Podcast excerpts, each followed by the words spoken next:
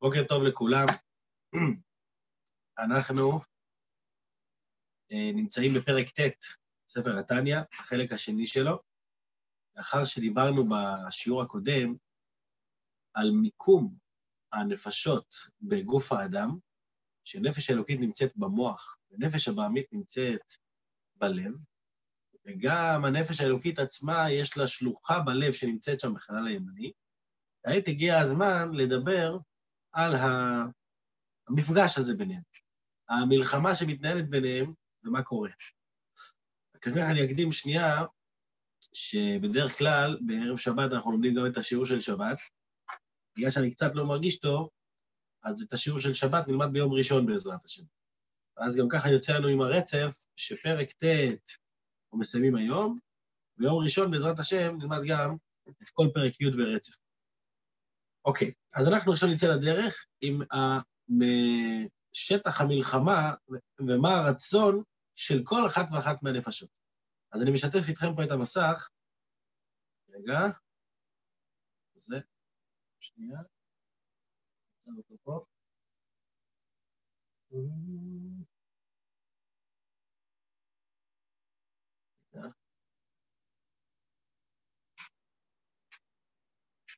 איפה. אני... או, הנה. אוקיי, הגדילו לי טיפה. אנחנו הגענו לשורה האחרונה. הכי נקטיב. הכי נקטיב, ולאום מלאום יאמץ. איפה זה כתוב? זה כתוב כשרבקה הולכת להתייעץ עם הנביא, ותלך לדרוש את השם, שיש לה שתי, היא מרגישה שיש לה שתי רצונות בפנים, כמו שאנחנו מדברים עכשיו, שיש שתי רצונות, נפש אלוקית מול נפש בעמית, עונה לה הנביא, תביני ששני גויים במפנך ושני לאומים ממאייך ייפרדו, ולאום מלאום יאמץ. זאת אומרת, יש פה, כל אחד רוצה לתפוס את כל הקופה. לאום מלאום יאמץ, הם מתמודדים ביניהם תמיד, כל הזמן, אחד מול השני. למה הוא משווה עכשיו את הפסוק הזה למצב שלנו? כי הגוף נקרא עיר קטנה. עיר קטנה. זה הגוף של האדם. וכמו ששני מלכים נלחמים על עיר אחת, שכל אחד רוצה לכובשה ולמלוך עליה. דהיינו, להנהיג יושביה כרצונו, ושיהיו שרים למשמעתו בכל אשר יגזור עליהם. זאת אומרת, אין פה איזשהו, אין פה איזשהו חצי-חצי, אין פה, כמו שאמרנו אתמול, אין הסכם שלום בין נפש אלוקית לנפש בעמית. לא, כל אחד רוצה את כל הקופה, כמו ששני מלכים רבים על עיר אחת, אף אחד לא יגיד, אני מוכן לוותר על, ה, על, ה, על הקרקעות של העיר ואתה תיקח את המטלטל. לא, אין דבר כזה. כל אחד רוצה את כל הקופה, רוצה שכל העיר תהיה שלו וכל יושביה יתנהגו כרצונו. כך אותו דבר בנשמה, אומר אדמו"ר הזקן, נמשך לקרוא בפנים, כך שתי הנפשות, האלוקית והחיונית, הבעמית, שמהקליפה, נלחמות זו עם זו על הגוף וכל איבריו. הן נלחמות, על מה הן נלחמות? על כל, על כל, על כל שטח ושטח, על כל נקודה ונקודה, גם על כל הגוף וגם על כל האיברים ספציפיים. עכשיו הוא מתחיל לפרט מה כל אחד רוצה, שפה זה דבר יפה. הוא מפרט עכשיו לאורך כל הפרק מה הנפש האלוקית רוצה. אבל בסוף, כשהוא מדבר על נפש הבעמית, הוא לא ירחיב הרבה, הוא רק יגיד שהיא רוצה הפוך. כי נפש בעמית, אה, נגיע לזה כשנגיע לזה בסוף. הנפש הבעמית, העניין שלה זה, זה, רק, זה רק הפוך מהנפש האלוקית. אבל בואו נראה קודם כל מה הנפש האלוקית רוצה. עוד הבהרה קטנה לפני שנקרא את זה, כשהוא מדבר פה על מה שהנפש האלוקית רוצה, אה, זה לא בהכרח שכל אחד שייך ו- ומתאים לזה. אנחנו יודעים הרי שצדיק זה לא משהו שכל אחד יכול להגיע לו, ויש דרגות גבוהות להגיע בדבקות, ל- בדבקות להשם. אבל עדיין, הרצון הזה נמצא בכל אחד ואחד. זאת אומרת, מבחינת נפש אלוקית, לא אכפת לה אם אתה צדיק או לא צדיק, היא מבחינתה רוצה שאתה תהיה הכי צדיק בעולם. והרצון הזה קיים בכל אחד ואחד, לא משנה מה הרמה הרוחנית שלו, זה קיים אצלו. אז בואו נראה. שהאלוקית, הנפש האלוקית, מה היא רוצה? חפצה ורצונה, שתהא היא לבדה מושלת עליו, על הגוף, על הבן אדם, ומנהיגתו, וכל האיברים יהיו שרים למשמעתה. שרים למשמעתה, זאת אומרת, יעשו מה שהנפש האלוקית רוצה. אם זה מצווה, מצוות ששייכות לידיים, הליכה לבית הכנסת, כל הדברים שקשורים באיברים, מצוות ומעשים טובים. ובטלים אצלה לגמרי. לא רק ששרים למשמעתה עושים מה שהיא רוצה, אלא הם בטלים. הם, הם כמו כלי בידי הנפש, שהנפש יכולה להתבטא איך שהיא רוצה, מתי שהיא רוצה. לא רק שהם מטלים אצלה לגמרי, אלא מרכבה אליה. מרכבה, הסברנו פעם באחד השיעורים, שמה זה מרכבה? מרכבה היא לא מציאות בכלל, בסך הכל מה שהרוכב יעשה עם המרכבה זה מה שיקרה איתה. בשונה למשל אם יש לי עבד, ועבד יש לו מציאות משל עצמו. או שהוא רוצה, או שהוא לא רוצה. יכול להיות שהוא מבטל את רצונו בגלל מה שאני אמרתי לו, אין בעיה, אבל הוא עדיין מציאות לעצמו. מרכבה, לעומת זאת, אין לה בכלל מציאות, אין לה שום דבר. היא בסך כל כולה מה? מה שהרוכב יגיד. זה מה שהוא אומר שהנפש האלוקית רוצה שהגוף יהיה בטל אליה כל כך עד שהוא יהיה מרכבה. מספרים על, ה... על הרבי הרש"ב, שפעם אה, הוא עשה איזו תנועה מסוימת בנטילת ידיים, אני חושב. שאלו אותו, מה... הרבי הרי"ת שאל אותו, מה זה הייתה התנועה הזאת? אמר לו הרבי הרש"ב, אני לא יודע לענות לך עכשיו, אבל מגיל קטן אני הרגלתי את הגוף שלי שיתנהג כמו שכתוב בשולחן ערוך. אז התנועה שעשיתי עכשיו, כנראה יש לה מקור בשולחן ערוך. אחרי זה פתחו ומצאו. בכל אופן, הרעיון הוא שהגוף הוא כל כך קשור עם הנפש האלוקית, עד שכל תנועה שבן אדם עושה, היא בעצם חלק מהדבר הזה של לשרת את הנפש האלוקית. סליחה. ויהיו לבוש, מה יקרה אחר כך עם הגוף? הם יהיו לבוש לעשר בחינותיה. לא רק שהם יהיו בטלים ושום דבר, אלא הנפש תתלבש בתוך אותו גוף, בתוך, אותו, בתוך אותם איברים. לבוש למה? לבוש לעשר בחינותיה, אמרנו עשרת הכוחות, וג' לבושיה, שלושת הלבושים, מחשבה, דיבור ומעשה, נזכרים לאל, שיתלבשו כולם באיברי הגוף. ויהיה הגוף כולו מלא מהם לבדם, ולא יעבור זר בתוכם, חס ושלום. ואז הוא מתחיל לפרט, הוא לא מסתפק רק באמירה הכללית הזאת, אלא בואו נראה את זה יורד לפרטים. דהיינו, תלת מוחין שבראש, חוכמה, בינה ודעת, יהיו ממולאים מחוכמה, בינה ודעת שבנפש האלוקית. זאת אומרת, לאדם עצמו, זה גם חשוב אגב, מדברים פה הרבה, לא אמרנו את זה בשיעור הקודם, אנחנו מדברים הרבה שלאדם יש שתי נפשות, נפש אלוקית ונפש בעמית. הנפש האלוקית היא הצד הטוב, הנפש הבעמית היא הצד השלילי. עכשיו, פה אנחנו מדברים בפרק ט' שהם נלחמים אחד עם השני. זאת אומרת, יש פה מלחמה. המלחמה הזאת, על מי הם נלחמים? זאת אומרת, מי שהוא, הם, הם צריכים לשכנע את, ה, את הגוף להיות בטל אליהם, או בטל לנפש אלוקית, או בטל לנפש מעמית. אבל את מי הם משכנעים? אם יש פה שתי נפשות, על מי הם, על מי הם רבים? מי פה באמצע? מסתבר, כתוב, מובא בכתבי חסידות, שיש מושג שנקרא הנפש השכלית. לא ניכנס לזה עכשיו, אה, לעומק של העניין הזה עכשיו, אבל יש מושג שנקרא הנפש השכלית, שזה נפש הפשוטה של האדם, שהיא לא קשורה לא לנפש אלוקית, לא לנפש בעמית, היא ניטרלית, היא האדם עצמו. איך שהאדם חי מצד עצמו. ויש לו שכל. לשכל של האדם יש לו חוכמה, בינה ודעת משלו, שהם ניטרלים לגמרי, הם לא נפש אלוקית ונפש בעמית בכלל. וה, ועל הנקודה הזאת, על, ה, על השכל הזה, של הנפש השכלית הזאת, הנפש האלוקית והנפש הבעמית נלחמים. לכן הוא אומר כאן, שיהיו מלאים, מה? תלת מוחין שבראש, הכוונה היא לחיות הפשוטה של נפש השכלית של בן אדם. הם יהיו מלאים במה? מחוכמה, בינה ודעת של נפש אלוקית. שהיא כמובן חוכמת השם ובינתו, אני ממשיך לקרוא בפנים, להתבונן בגדולתו, אשר עד אין חקר ואין סוף. ומה קורה על ידי ההתבוננות הזאת? התבוננות מעמיקה, מה היא מביאה לאדם? היא מולידה את המידות, כמו שדיברנו בפרק, אה, בפרק ג', שההתבוננות של האדם היא זאת שתביא לו, לפי מה שאתה חושב ומתבונן, זה מה שגם יהיה לך בפועל בעולם הרגשות. אז לכן הוא אומר, ולהוליד מהם, מאותה התבוננות, מה הנפש האלוקית רוצה? היא רוצה להוליד מהם על ידי הדעת, שזה המוח השלישי, חוכמה, בינה ודעת. מה היא תוליד מהם? היראה במוחו ופחד השם בליבו. זאת אומרת, רגש ראשוני שיש לאדם, זה רגש של יראה. למה? כי יראה נובעת מריחוק, דיברנו על זה גם בהרחבה בפרק ג'. סליחה. אז זה הרגש הראשוני שיש לאדם, רגש של יראה. אחרי הרגש הראשוני של יראה, הוא ימשיך להתבונן עוד, והוא יגיע לאהבת השם, לא רק ליראת השם, אלא לאהבת השם. סליחה, כמו שאמרתי אתמול, לא רוצים לוותר על השיעור. גם אם זה יהיה לא קל. שיעור טניה יומי, לא, לא מוותרים, בעזרת השם. Uh, אז מה קורה על ידי ההתבוננות? על ידי ההתבוננות בגדולת השם, האדם מבין את ריחוק הערך שלו מהאלוקות, אז זה מוליד יראת השם, יראת שמיים. זה יכול להיות יראת השם במוחו, יכול להיות גם פחד השם בליבו, שזה כבר רגש הרבה יותר מעשי. ואחר כך, השלב השני, אהבת השם כאש בוערה בליבו, שזה כבר אהבה של צמאון. אני רוצה להתחבר, זה לא רק שאני מרגיש כמה אני רחוק ואני ירא, יראת שמיים, יראת הבושת, יראת הרוממות. לא, אני רוצה להתקרב, זה אהבה כאש.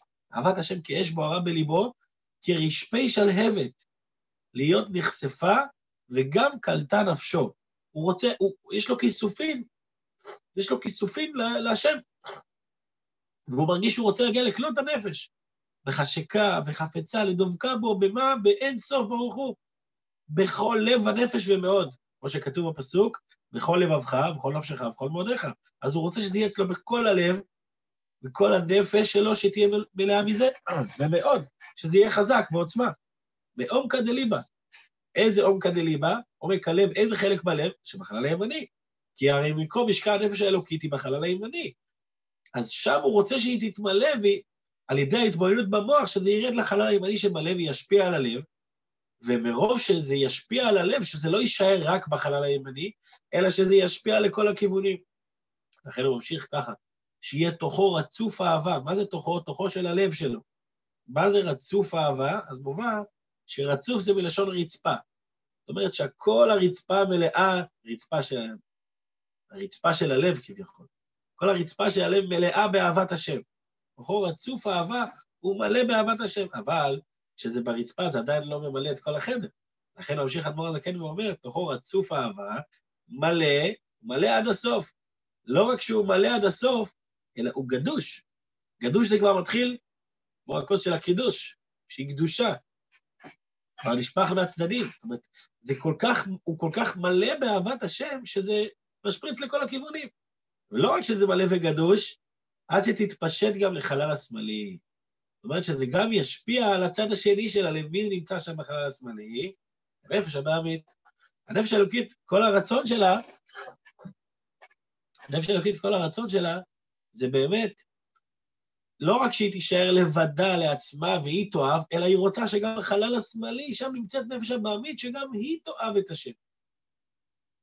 וכאן הוא בעצם נותן לנו פה עוד איזשהו סוגריים בעניין הזה, שהוא הוא אומר, הנפש האלוקית לא רוצה רק שהיא תאהב את השם, ושהנפש הבעמית תלך לכל הרוחות. לא, הנפש האלוקית רוצה שגם הנפש הבעמית תאהב את השם. שהיא עצמה תבין שלהתחבר לקדוש ברוך הוא זה התענוג הכי גדול שיכול להיות. ולכן הוא מביא פה עוד דרגה, עכשיו הוא ידבר על זה, אני אומר את זה רק בעל פה, לכן הוא מביא פה עוד דרגה של אהבת השם, שהיא לא אהבה כאש, אהבה בוערת, אלא היא נקראת אהבה כמים, זה נקרא אהבה בתענוגים. אז עכשיו הוא יסביר את ההבדל ביניהם, אבל אני אומר את זה בתור הקדמה כדי שנבין פה את המהלך. הוא מדבר פה על חוכמה בינה דעת שמשפיעים על המידות. במידות הם משפיעים על יראת השם, על, ה... על הפחד השם בליבו וכולי וכולי. אחר כך הם משפיעים על אהבת השם. איזה סוג אהבה? אהבה של צמאון, אהבה של אש. אבל אחר כך זה משפיע עוד יותר, שזה כבר האהבה של נפש הבעמית, שזה חלק מהאדם עצמו. סליחה, שזה חלק מהאדם עצמו. מה, אז מה קורה פה? עד שתתפשט גם לחלל השמאלי, לאיקפיה לסטרא אחא, לכפות את הסטרא אחא, את הצד האחר, יסוד המים הרעים שבה. מה זה מים? שהיא התאווה שמקליפת נוגה. מים, אמרנו שהם מצליחים כל מיני תענוג. אז מה זה מים בנפש בעמית? מים בנפש בעמית זה תאווה, תאוות, תאוות היתר. אומר, אומרת הנפש האלוקית, אני רוצה שהתאוות היתר שלך, מה יהיו, על, מה, מה תרצה כל הזמן? זה, אגב, מה שאומרים, ורב תבואות בכוח שור. הנפש הבעמית, בגלל שהיא לא רע, בגלל שהיא קליפת נוגה, כשבן אדם מצליח, שוב, זה לא כל אחד מצליח, אבל כשבן אדם מצליח לגרום לנפש הבעמית שלו לרצות את הטוב, אז העוצמה של. של הדבקות שלו בטוב היא הרבה הרבה יותר חזקה. בגלל, ש... בגלל שלמי יש יותר כוח? לנפש הבעמית יש יותר כוח. יכול להיות שהנפש האלוקית היא האמת יותר, אבל מי יותר עוצמתי? הנפש הבעמית, כי אצלה הכל, הכל בגוזמה, הכל בעוצמות רבות, בלי, בלי שום... שום הגבלות. וכשאתה מצליח להפוך את זה, זה כמו שאתה רותם את השור. אתה רותם את השור ל, ל, ל, לטובת אהבת השם, אז האהבה שלך תהיה הרבה הרבה יותר חזקה. ולכן, ולכן אנחנו רואים ש, שבחסידות לא שוללים את, ה, את, ה, הטבע של האדם. לא אומרים לו, תפסיק להיות מי שאתה ותתחיל להיות מישהו אחר. לא, הפוך. אתה צריך לגרום לכך שמי שאתה ירצה אלוקות. והאני שבך, האני של כל אחד מאיתנו, הוא עצמו ירצה אלוקות, לא מישהו אחר. הנפש הבעמית שלנו, שהיא, ש, שנקום בבוקר ונגיד, וואי, אני חייב ללמוד חסידות, לא משהו שאני, כמו שאני רוצה קפה, אני רוצה ללמוד חסידות. טוב. אה, עד שתתברר, ליסוד המים הראשון, שהיא התאווה שבקליפת נוגה, לשנותה ולהופכה מתענוגי העולם הזה לאהבת השם. כמו שכתוב, בכל לבבך בשני יצריך. מה זאת אומרת בשני יצריך? לא רק ביצר הטוב שהוא ירצה את ה...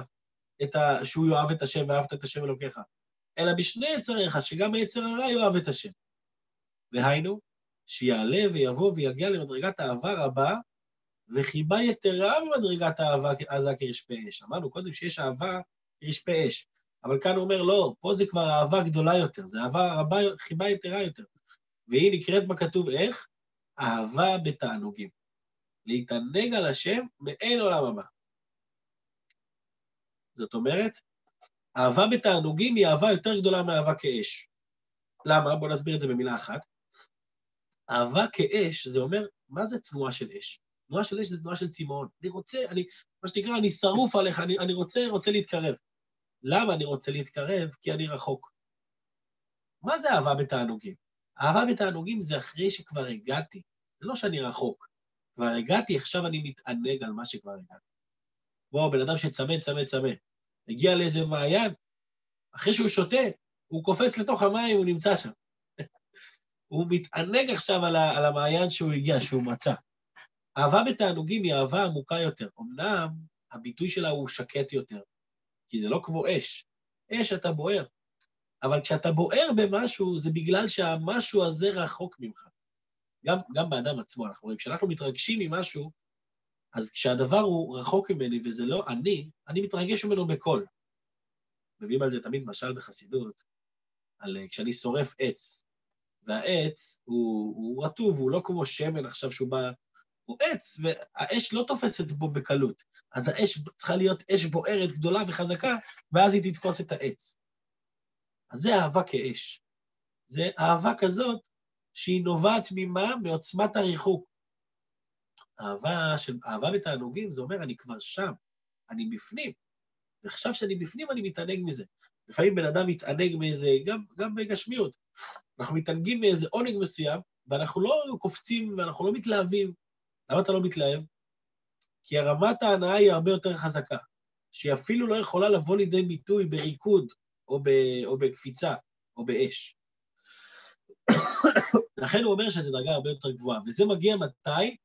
מתי שהרצון של האדם, זה כבר, זה כבר הרצון ה...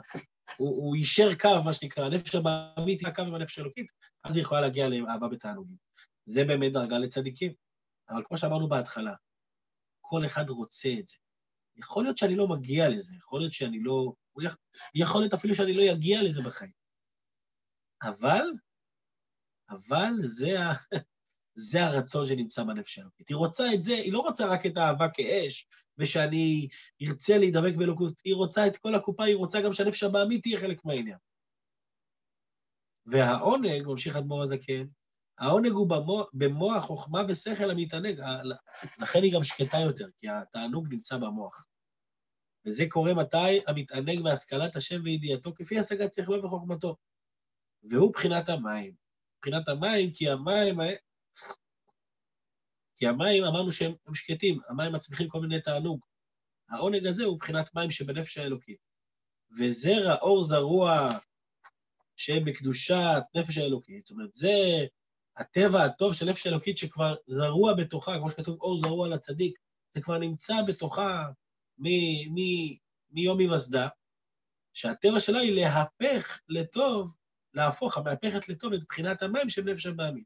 המים שבנפש הבעמית זה תענוג, סתם תאוות.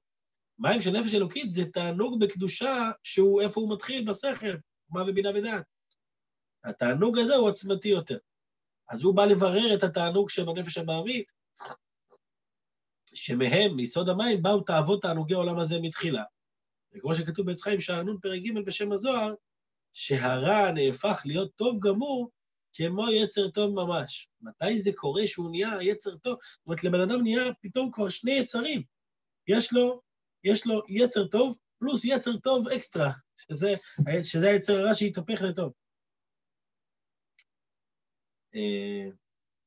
היצר הרע, כשמדברים על יצר הרע, מדברים באופן כללי על כוח המתאווה, זאת אומרת שהאדם, עצם התאווה שלו תהיה תאווה חיובית. מתי זה קורה? בהסיר הבגדים הצועים ממנו. מתי שהוא מסיר את הלכלוך מהנפש הבעמית, שהם תענוגי העולם הזה, שהוא מלובש בהם. אותה נפש בעמית מלובשת בתענוגים של העולם הזה, צריך להסיר את התענוגים האלה של העולם הזה, ואז יהיה מקום לתענוגים רוחניים.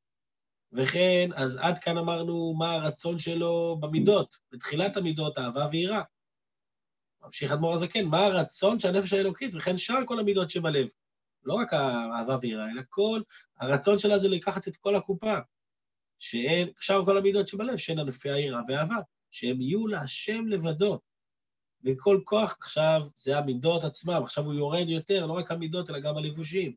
כל כוח הדיבור שבפה והמחשבה שבמוח יהיו מלואי, אה, ממולאים מן לבושי המחשבה והדיבור של נפש אלוקית, לבדה. שמה הם אותה מחשבה? זה לא, לא אמרנו שכוח השכל והתענוג יהיה מלובש חזק, אלא זה, זה אמרנו בהתחלה בחלק של הכוחות, פה הוא מדבר גם על לבושים. המחשבות יהיו מחשבות חיוביות, הדיבורים יהיו דיבורים חיוביים, תכף הוא גם ידבר על המעשה. אבל פה הוא מדבר, מה זה לבושי המחשבה? שאין מחשבת השם ותורתו. שימו לב, עוד פעם, אדמו"ר הזקן, שהוא מדבר, מדבר, דרך אגב, הוא מזכיר את לימוד התורה. להיות שיחתו כל היום. על מה, מה, מה הוא עסוק? מה הוא מדבר? מה הוא חושב?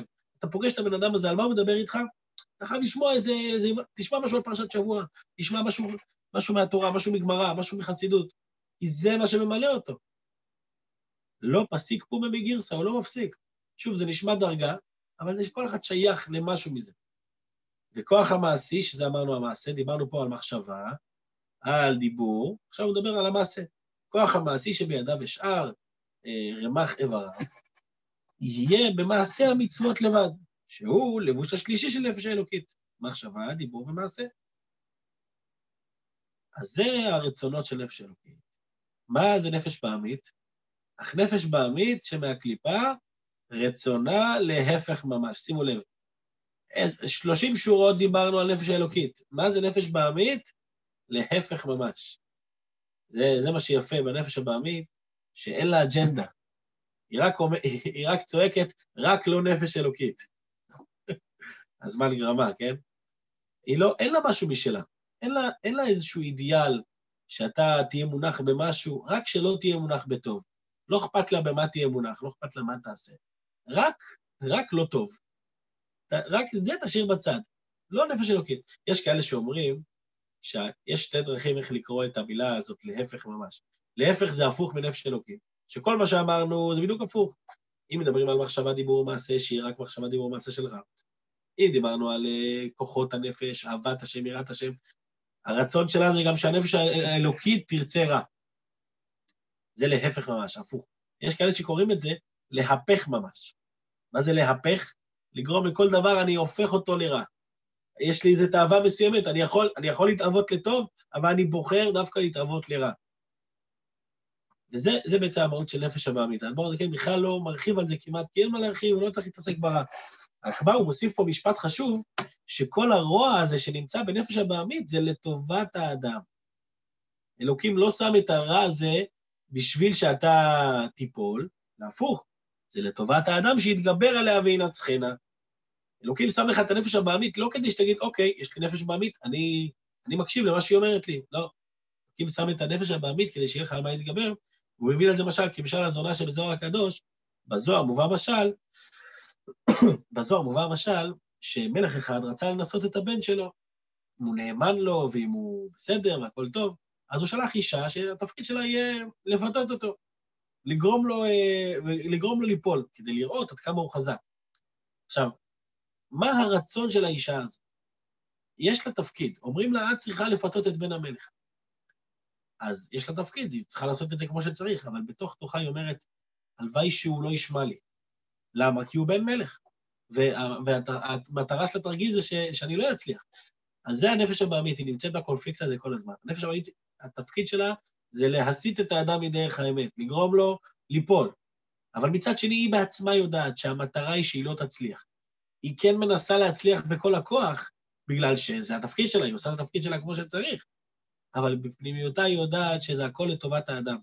זה הכל כדי שהאדם לא ייפול ויתגבר עליו. וכשאתה מצליח להתגבר עליה, היא שמחה. היא לא, היא לא מאוכזבת, כי וואי, לקחת לי את התפקיד. לא, הפוך, היא יודעת שהתפקיד זה ש, שתברר אותה, ואדרבה, שתגרום לה לאהוב את השם יותר ויותר. אז עד כאן בעצם זה פרק ט', פרק ט',